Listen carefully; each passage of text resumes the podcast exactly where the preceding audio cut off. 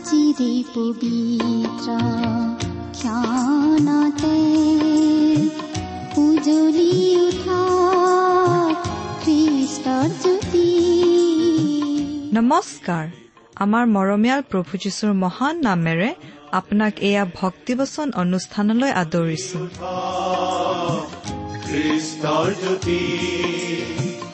আকাশ বতাহ মুখৰিত কৰি গাঁও মিলি প্ৰশংসা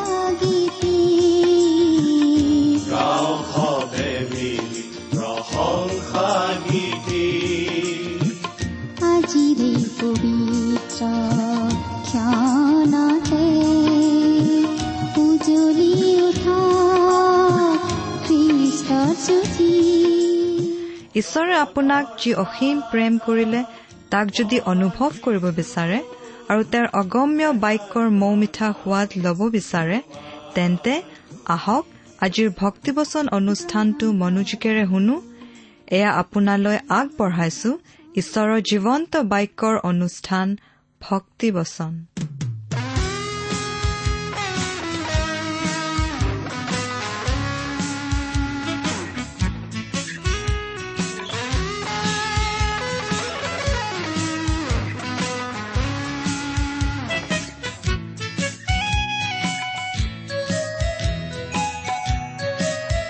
যিছু তোমাৰ অবিহনে আজি মোৰে জীৱন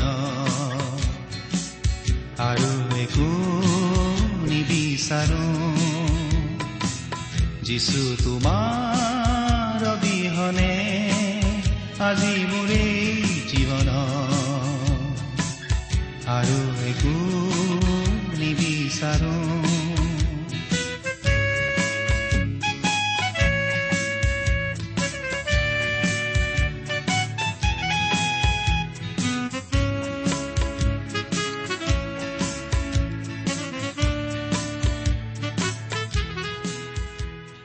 আমাৰ পৰম পবিত্ৰ প্ৰভু যীশুখ্ৰীষ্টৰ নামত নমস্কাৰ প্ৰিয় শ্ৰোতা। আশা কৰো মহান পিতা পৰমেশ্বৰৰ মহান অনুগ্ৰহত আপুনি ভালে কুশলে আছে। আপুনি বাৰু আমাৰ এই ভক্তিবচন অনুষ্ঠানটো নিয়মিতভাৱে শুনি আছেনে? শুনি কেনে পাইছে আমালৈ চিঠি লিখি জনাবচোন। আমাৰ যোগাযোগৰ ঠিকনা ভক্তিবচন টি ডব্লিউ আৰ ইণ্ডিয়া ডাক বাকচ নম্বৰ সাত শূন্য গুৱাহাটী সাত আঠ এক শূন্য শূন্য এক। ভক্তিবচন T W R India postbox number seventy Guwahati seven eight one zero' zero' one আমাৰ website W W W dot radio' eight eight two dot com আহকচোন আজিৰ বাইবেল অধ্যয়ন আৰম্ভ কৰাৰ আগতে খন্তেক প্ৰাৰ্থনাত মূৰ দুৱাওঁ। স্বৰ্গত থকা অসীম দয়ালু পিতৃ ঈশ্বৰ তোমাৰ মহান নামৰ ধন্যবাদ কৰো। তুমি সৰ্বশক্তিমান সৰ্বব্যাপী সৰ্বজ্ঞানী ঈশ্বৰ হৈও আমাৰ দৰে ক্ষুদ্ৰ মানৱক যে ইমান প্ৰেম কৰা সেই কথা ভাবিলেই আচৰিত হওঁ। তুমি আমাক ইমানেই প্ৰেম কৰিলা যে আমাক পৰিত্ৰাণ দিবলৈ তুমি তোমাৰ একেজাত পুত্ৰ যীশুখ্ৰীষ্টকেই আমালৈ দান কৰিলা। তেওঁ ক্ৰুচত নিজৰ পবিত্ৰ তেজেৰে আমাৰ পাপৰ প্ৰাচিত্ৰ কৰিলে। আজি তেওঁত বিশ্বাস কৰি আমি অনন্ত জীৱন লাভ কৰি তোমাক পিতৃ বুলি মাতিব পৰা হৈছো। তাৰ বাবে তোমাক অশেষ ধন্যবাদ পিতা। এতিয়া আমি তোমাৰ মহান বাক্য বাইবেল শাস্ত্ৰ অধ্যয়ন কৰিবলৈ ওলাইছো প্ৰাৰ্থনা কৰিছো। তোমাৰ বাক্য তুমিয়েই আমাক বুজাই দিয়া।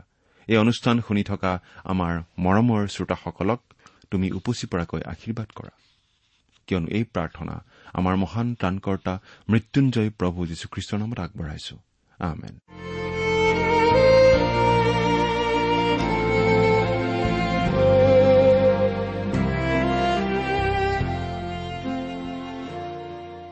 প্ৰিয় শ্ৰোতা আমি আজি কিছুদিন ধৰি বাইবেলৰ নতুন নিয়ম খণ্ডৰ ইব্ৰীবিলাকৰ প্ৰতি পত্ৰ নামৰ পুস্তকখন অধ্যয়ন কৰি আছো। নহয় জানো? আমি ইতিমধ্যে ভালেখিনি আগবাঢ়ি আহিছো। যোৱা অনুষ্ঠানত আমি এই ইব্ৰী পুস্তকখনৰ সাত নম্বৰ অধ্যায়ৰ বাইশ নম্বৰ পদলৈকে আমাৰ আলোচনা আগবঢ়ালো। আজিৰ অনুষ্ঠানত আমি তাৰ পিছৰ পদটো অৰ্থাৎ ইব্ৰী পুস্তকৰ সাত নম্বৰ অধ্যায়ৰ তেইছ নম্বৰ পদৰ পৰা আমাৰ আলোচনা আগবঢ়াই নিম। আপুনি আপোনাৰ বাইবেলখন নিশ্চয় মেলি লৈছে। প্ৰিয় শ্ৰোতা ইব্ৰী পুস্তকৰ সাত নম্বৰ অধ্যায়ত আমি খ্ৰীষ্ট যে আমাৰ শ্ৰেষ্ঠ পুৰোহিত সেই বিষয়টোৱেই আলোচনা কৰি আছো।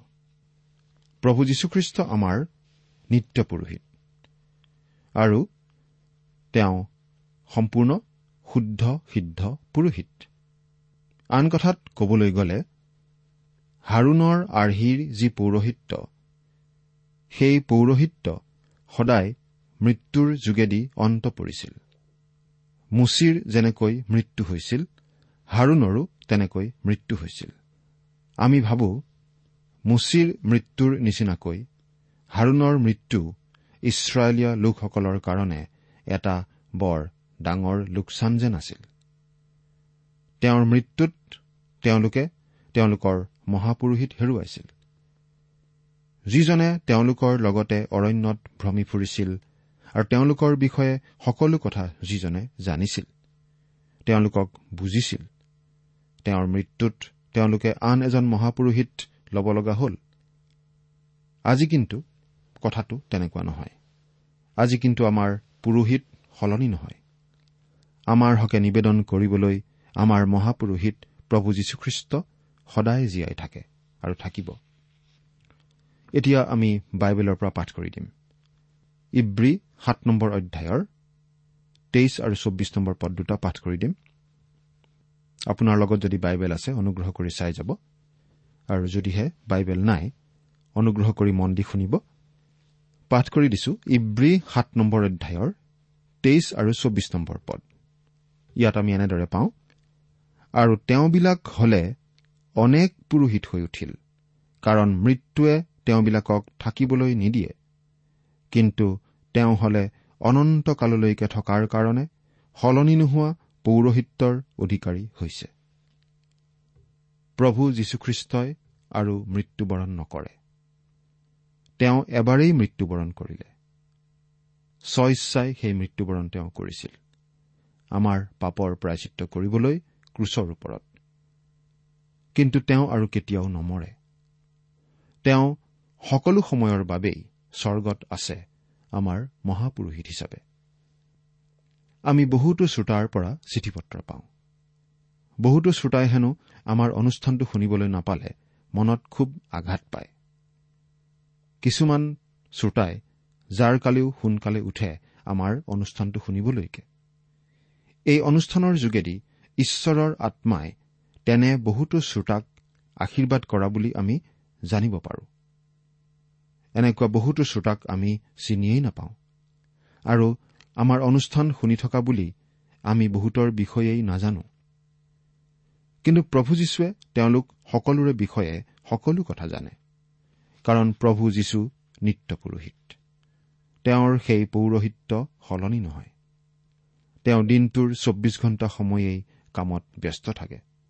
অৰ্থাৎ অতি দুখমোকালিতে আমাৰ অনুষ্ঠান শুনা শ্ৰোতাসকলকো তেওঁ জানে। দিন বা ৰাতিৰ আন যিকোনো সময়তো তেওঁলোকক তেওঁ জানে।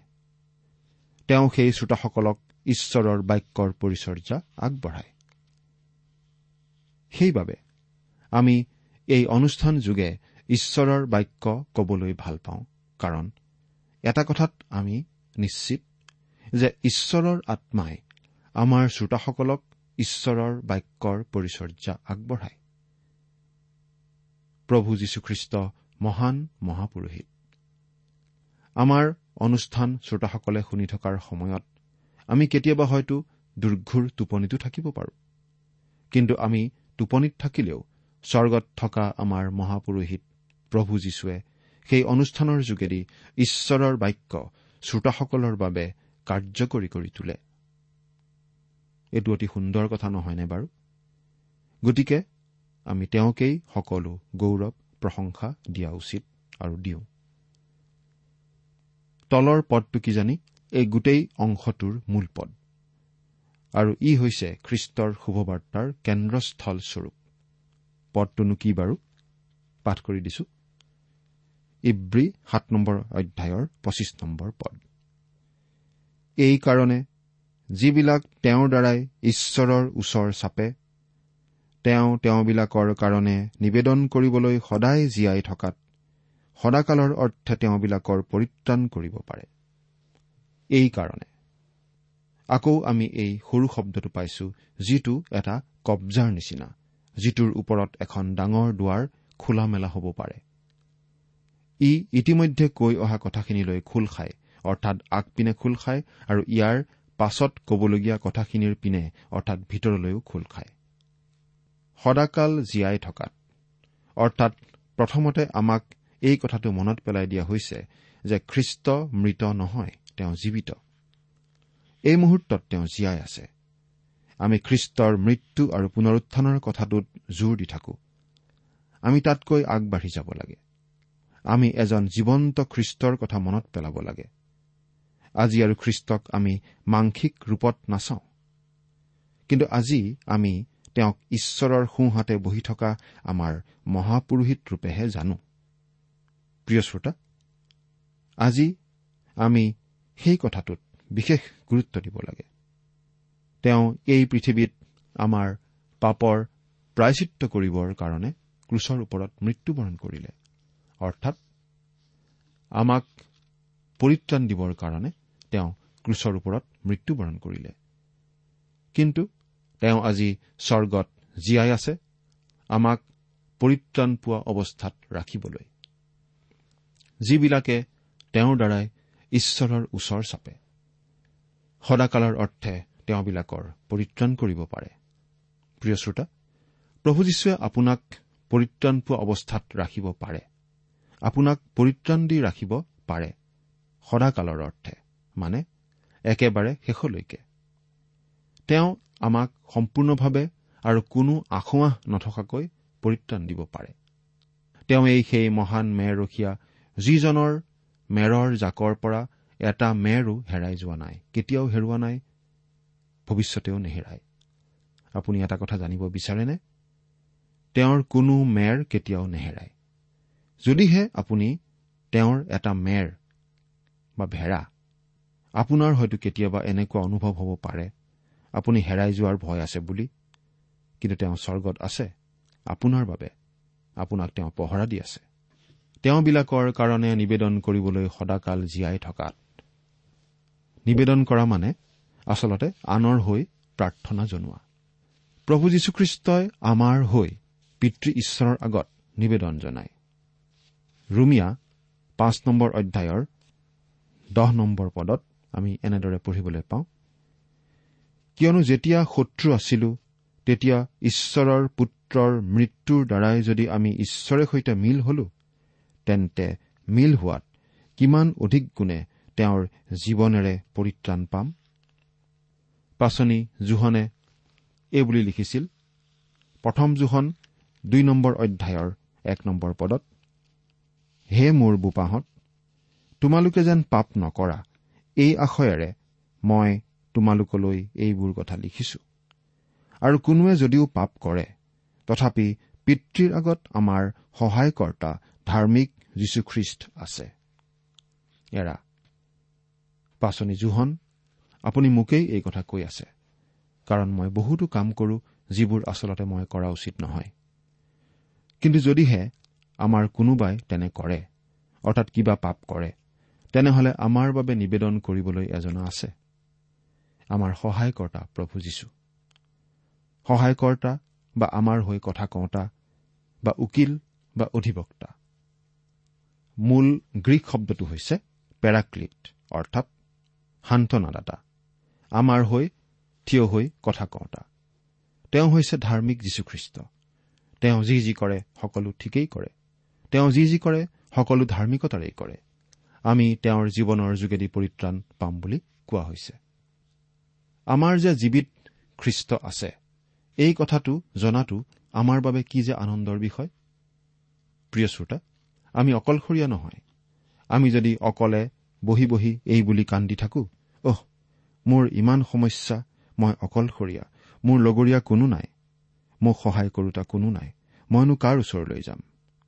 তেনেহলে সেইটো অতি অবুজ কেঁচুৱাৰ নিচিনা কথা হ'ব। প্ৰিয় শ্ৰোতা স্বৰ্গতনো প্ৰভু যীশুৱে কি কৰি আছে? তেওঁৰ বিষয়ে আমি মনত পেলাইছোনে? আমিনো তেওঁৰ ওপৰতে সম্পূৰ্ণ ভৰসা নকৰো কিয়? আমি কেতিয়াবা অতি প্ৰতিকূল পৰিস্থিতিত পৰিব পাৰো। আমাৰ সকলো শেষ হৈ যোৱা যেন আমাৰ লাগিব পাৰে। কিন্তু আমি এটা কথা নিশ্চিতভাৱে জানিব পাৰো যে প্ৰভু যীশুৱে আমাৰ বাবে নিবেদন কৰিবলৈ সদায় জীয়াই আছে। আনকি আমি বিশ্বাসত দুৰ্বল হলেও আমি অকৃতজ্ঞ হলেও তেওঁ সদায় বিশ্বাসী হৈ থাকে। প্ৰিয় শ্ৰোতা তেওঁ যে আমাৰ হকে নিবেদন কৰিবলৈ স্বৰ্গত আছে সেই কথাটো জনাটো আমাৰ কাৰণে অতি আনন্দ আৰু উৎসাহৰ কথা। এতিয়া ছাব্বিছ নম্বৰ পদটো পঢ়ি দিব খুজিছো।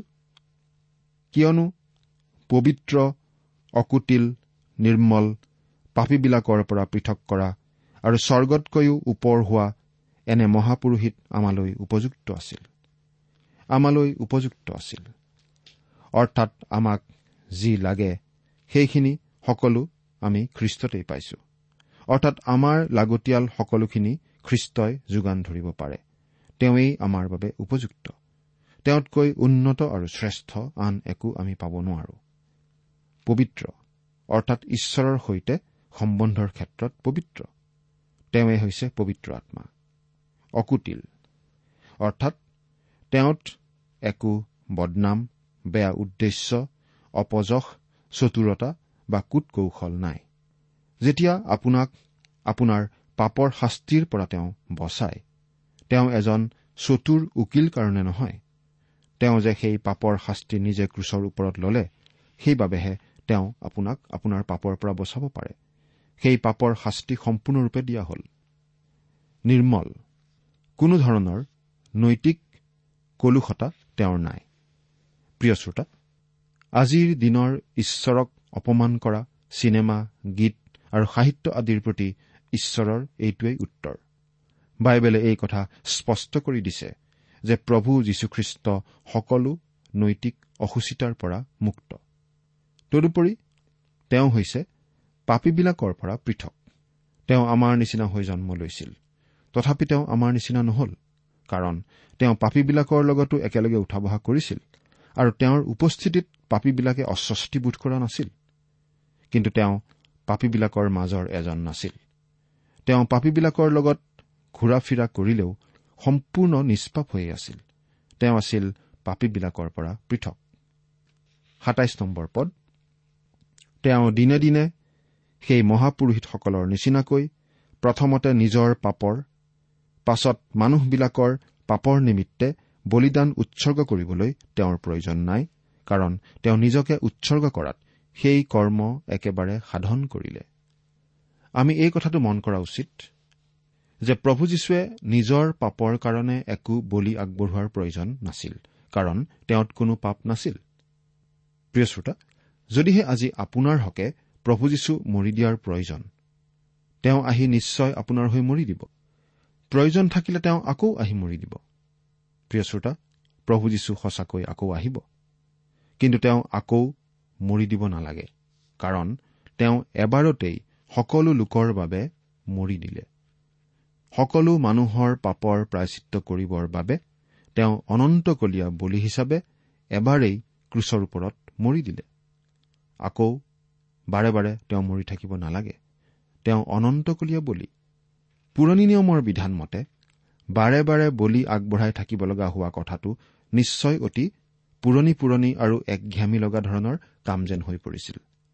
আমাৰ এনেকুৱা ধাৰণা হয় যে যেতিয়া সেই পুৰোহিতসকলে বলি আগবঢ়াই হাত ভৰি ধুইছিল তেতিয়া কিজানি কোনোবা পুৰোহিতে আন কোনোবা এজন পুৰোহিতৰ পিনে চাই কৈছিল আজি আপুনি কেইটা বলি আগবঢ়ালে? আনজনে কিজানি উত্তৰ দিছিল মই ক'ব নোৱাৰো কিজানি আজি বাৰবাৰমান মই ইয়াত বলি আগবঢ়ালো নেকি? তেতিয়া আনজনে কিজানি কৈছিল মোৰ পোন্ধৰ বাৰ হৈ গ'ল। মই ইমানবাৰ হাত ভৰি ধুইছো যে হাতখনৰ ছাল সুতুৰা সুতুৰ হৈ পৰিছে। আৰু ভৰিকেইখন চাওকচোন যেন মই গোটেই দিনটো পানীতহে থিয় দি আছো। মই বাৰে বাৰে বেদীলৈ বলি আগবঢ়াই ভাগৰি পৰিছো। একেবাৰে আমনি লাগি গৈছে। এৰা সেই কামটো নিশ্চয় বৰ আমনিদায়ক আৰু ভাগৰ লগা কাম আছিল। আৰু যদিহে সেই পুৰোহিতকেইজনে কথা পাতি থকা হাৰুণে শুনিলেহেঁতেন তেনেহলে তেওঁ কিজানি এনেদৰে কলেহেঁতেন এই ৰীতি নীতি পালন কৰা কামটো যে বৰ আমনিদায়ক এই কথাটোত মই তোমালোকৰ সৈতে একমত। কিন্তু এইবোৰৰ মাজেদি ঈশ্বৰে কি ক'ব বিচাৰিছে তোমালোকে জানানে? তেওঁ এইটো ক'ব বিচাৰিছে যে পাপ অতি ভয়ংকৰ বস্তু আৰু পাপৰ ফলতেই এই বলিৰ তেজ উলিয়াব লগা হয়। কিন্তু এদিন স্বয়ং ঈশ্বৰ এই পৃথিৱীলৈ আহিব। আৰু আমাৰ হকে ক্ৰুচত মৰি দিবলৈ তেওঁ আহিব। আৰু যেতিয়া তেওঁ সেইটো কৰিব তাৰ পাছত আৰু এনেদৰে তেজ উলিয়াবৰ প্ৰয়োজন নহ'ব কাৰণ তেওঁ নিজেই বলি হ'ব তেওঁ নিজেই নিজৰ তেজ উলিয়াব। পাপৰ সম্পূৰ্ণ শাস্তি তেওঁই ল'ব। আঠাইছ নম্বৰ পদ। কিয়নো বিধানে যি মহাপুৰোহিতসকলক নিযুক্ত কৰে তেওঁবিলাক দুৰ্বলতাযুক্ত মনুষ্য। কিন্তু বিধানৰ পাছত হোৱা সেই শপতৰ বাক্যে যিজনাক নিযুক্ত কৰে তেওঁ অনন্তকালৰ অৰ্থে সিদ্ধ হোৱা পুত্ৰ। পুৰণি নিয়মৰ দিনত মহাপুৰোহিতজনে নিজৰ বাবেও এটা বলি আগবঢ়াব লাগিছিল। কিন্তু প্ৰভু যীশুৱে তেনে কৰিব লগা হোৱা নাছিল। আজি আমাৰ এজন মহাপুৰোহিত আছে। যিজনক আমি স্পৰ্শ কৰিব পাৰোঁ। যিজনক আজি আমি ওচৰত পাব পাৰোঁ। তেওঁ আমাক সহায় কৰিবলৈ সাজু আছে। তেওঁ আমাক বুজি পায়। তেওঁ অতি পবিত্ৰ অকুটিল নিৰ্মল আৰু পাপীবিলাকৰ পৰা পৃথক। প্ৰভু যীশুখ্ৰীষ্টই সেই মহাপুৰোহিত। তেওঁক আপুনি জানেনে? চিনি পায়নে? এতিয়া আমি আঠ নম্বৰ অধ্যায়ৰ পৰা অলপ চাব খুজিছো। আমাক এই আঠ নম্বৰ অধ্যায়ত এই কথা কোৱা হৈছে যে আমাৰ মহাপুৰোহিত প্ৰভু যীশুখ্ৰীষ্টই এটা শ্ৰেষ্ঠ ধৰ্মধামত আমাৰ হৈ পৰিচৰ্যা আগবঢ়ায়। এটা শ্ৰেষ্ঠ নিয়ম বা চুক্তিৰ অধীনত আৰু সেই চুক্তি আচলতে শ্ৰেষ্ঠ প্ৰতিজ্ঞাৰ ওপৰত প্ৰতিষ্ঠিত। পাঠ কৰি দিম। আঠ নম্বৰ অধ্যায়ৰ এক নম্বৰ পদ। ওপৰত কোৱা কথাবোৰৰ সাৰ কথা এই। যিজনা স্বৰ্গত মহামহিমৰ সিংহাসনৰ সোঁফালে বহিল ওপৰত কোৱা কথাবোৰৰ সাৰ কথা এই। আচলতে পত্ৰখনৰ লিখকে কথাখিনিৰ সামৰণি মৰা নাই। যদিও তেনেকুৱা এটা ভাৱ ইয়াত সোমাই আছে। তেওঁ আচলতে ইয়াতকৈ বেছি কিবা কিবি ইয়াত কৈছে। আচলতে আমি এনেদৰে ক'ব পাৰোঁ। ইতিমধ্যে যিখিনি কথা কোৱা হ'ল সেইখিনিৰ ভিতৰত আচলতে কেন্দ্ৰবিন্দু এইটোৱেই। বা সেই গোটেই কথাখিনিৰ মাজৰ মূল কথা এইটোৱেই। আমাৰ এজন মহাপুৰোহিত আছে যিজন স্বৰ্গত মহামহিমৰ সোঁহাতে বহিল। মহামহিমৰ সিংহাসনৰ সোঁহাতে বহিল। প্ৰভু যীশুখ্ৰীষ্টই এনেকুৱা এটা কাম কৰিলে যিটো পুৰণি নিয়মৰ দিনত কোনো পুৰোহিতেই কেতিয়াও কৰা নাছিল। হাৰুণ আৰু হাৰুণৰ বংশত এনেকুৱা কোনো পুৰোহিত নাছিল যিজন বহিবৰ কাৰণে সেই নিয়মতম্বুৰ ভিতৰত চকী বা তেনেকুৱা কিবা আছিল। পুৰোহিতসকলে অনাবৰতেই কাম কৰি কৰি ব্যস্ত থাকিব লগা হৈছিল। কিন্তু সেই সকলো ৰীতি নীতি আদিয়ে ভৱিষ্যতে খ্ৰীষ্টৰ যোগেদি সিদ্ধ হ'বলগীয়া প্ৰকৃত বলিদানৰ কথালৈকেই আঙুলিয়াইছিল। এতিয়া প্ৰভু যীশুখ্ৰীষ্টৰ ক্ৰুচীয় মৃত্যুৰ যোগেদি সেই সকলোবিলাক সিদ্ধ হ'ল। গতিকে আমি আমাৰ পৰিত্ৰাণৰ বাবে যথেষ্ট কৰিছো নে নাই সেই বিষয়ে আৰু আমি চিন্তা কৰি থকাৰ একো প্ৰয়োজন নাই। আমি কেৱল প্ৰভু যীশুত বিশ্বাস স্থাপন কৰি তেওঁকেই পৰিত্ৰতা হিচাপে গ্ৰহণহে কৰিব লাগে। তেওঁ বহিল কাৰণ কৰিব লগা সকলোখিনি তেওঁ কৰি শেষ কৰিলে। আমাৰ পৰিত্ৰাণৰ কাম তেওঁ সিদ্ধ কৰিলে। আমি কেৱল সেই পৰিত্ৰাণ গ্ৰহণহে কৰিব লাগে। তেওঁ মহামহিমৰ সিংহাসনৰ সোঁহাতে বহিল। আমাৰ বাবে আমাৰ পৰিত্ৰাণৰ বাবে কৰিবলগীয়া সকলোখিনি শেষ কৰি তেওঁ বহিল। আঠ নম্বৰ অধ্যায়ৰ দুই নম্বৰ পদ আৰু মানুহে স্থাপন কৰা নহয় প্ৰভুৱে স্থাপন কৰা প্ৰকৃত তম্বু আৰু পবিত্ৰ স্থানৰ পৰিচৰ্যাকাৰী হৈছে আমাৰ এনে মহাপুৰোহিত আছে। বজলেল আছিল সেই শিল্পকৰ যিজনে সেই নিয়ম তম্বুৰ বাবে সুন্দৰ সুন্দৰ আচবাববোৰ সজাইছিল। পাপাবৰণ আৰু সুন্দৰ দীপাধাৰ অতি সুন্দৰ আৰু উন্নত মানৰ শিল্পকৰ্ম আছিল। সেই সকলোবোৰ আছিল মানুহৰ হাতে কৰা কৰ্ম। যদিও পবিত্ৰ আত্মাৰ নিৰ্দেশতেই সেইবোৰ সজোৱা হৈছিল। আনহাতে প্ৰভু যীশুখ্ৰীষ্টই আজি আমাৰ হকে পৰিচৰ্যা আগবঢ়াই আছে। তেওঁ নিজে নিৰ্মাণ কৰা স্বৰ্গত। প্ৰকৃত তম্বু প্ৰকৃত পবিত্ৰ স্থানত যি পবিত্ৰ স্থান স্বৰ্গত আছে। প্ৰিয় শ্ৰোতা সেই মহাপুৰোহিত প্ৰভু যীশুখ্ৰীষ্টই এতিয়াও আপোনাৰ বাবে মোৰ বাবে অৰ্থাৎ প্ৰতিজন খ্ৰীষ্টীয় বিশ্বাসীৰ বাবে নিবেদন জনাই আছে। সেই কথা মনত পেলাই আমি বাৰু তেওঁক ধন্যবাদ দিয়া উচিত নহয়নে? চিন্তা কৰি চাওকচোন। ঈশ্বৰে আমাক আশীৰ্বাদ কৰক। আহমেদ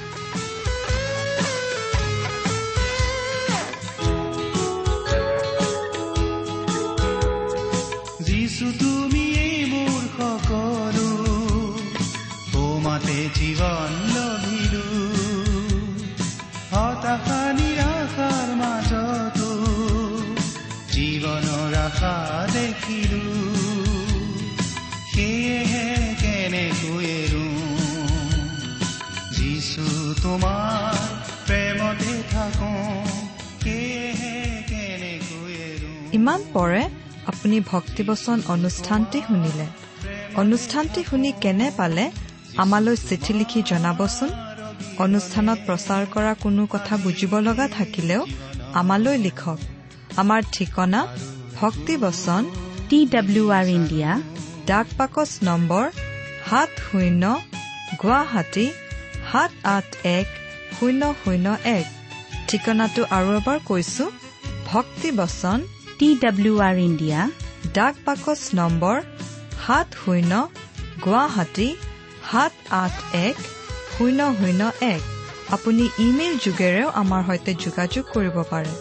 আমাৰ ইমেইল আইডিটো হৈছে Assamese T TV at radio' eight eight two dot com. আইডিটো আকৌ এবাৰ কৈছো। Assamese T TV at radio' eight eight two dot com. আপুনি টেলিফোনৰ মাধ্যমেৰেও আমাক যোগাযোগ কৰিব পাৰে। আমাৰ টেলিফোন নম্বৰটো হৈছে শূন্য তিনি ছয় এক দুই ছয় শূন্য চাৰি ছয় সাত এক। ফোন নম্বৰটো আকৌ এবাৰ কৈছো zero' three six one two six zero' four six seven one. আজিৰ অনুষ্ঠানটি ইমানতে সামৰিছো।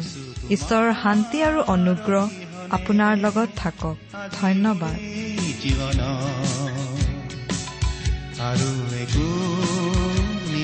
নিবিচাৰো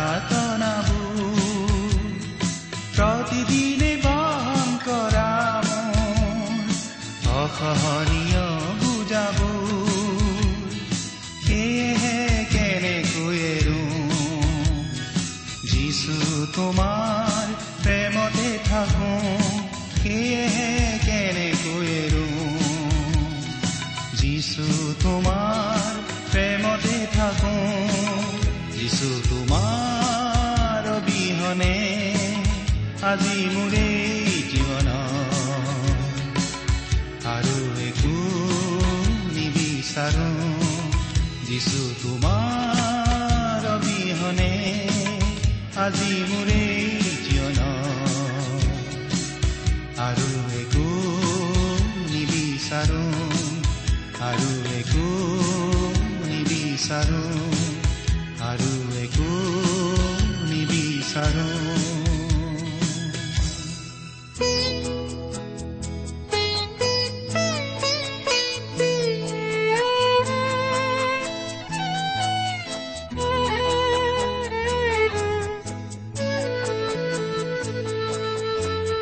Thank you.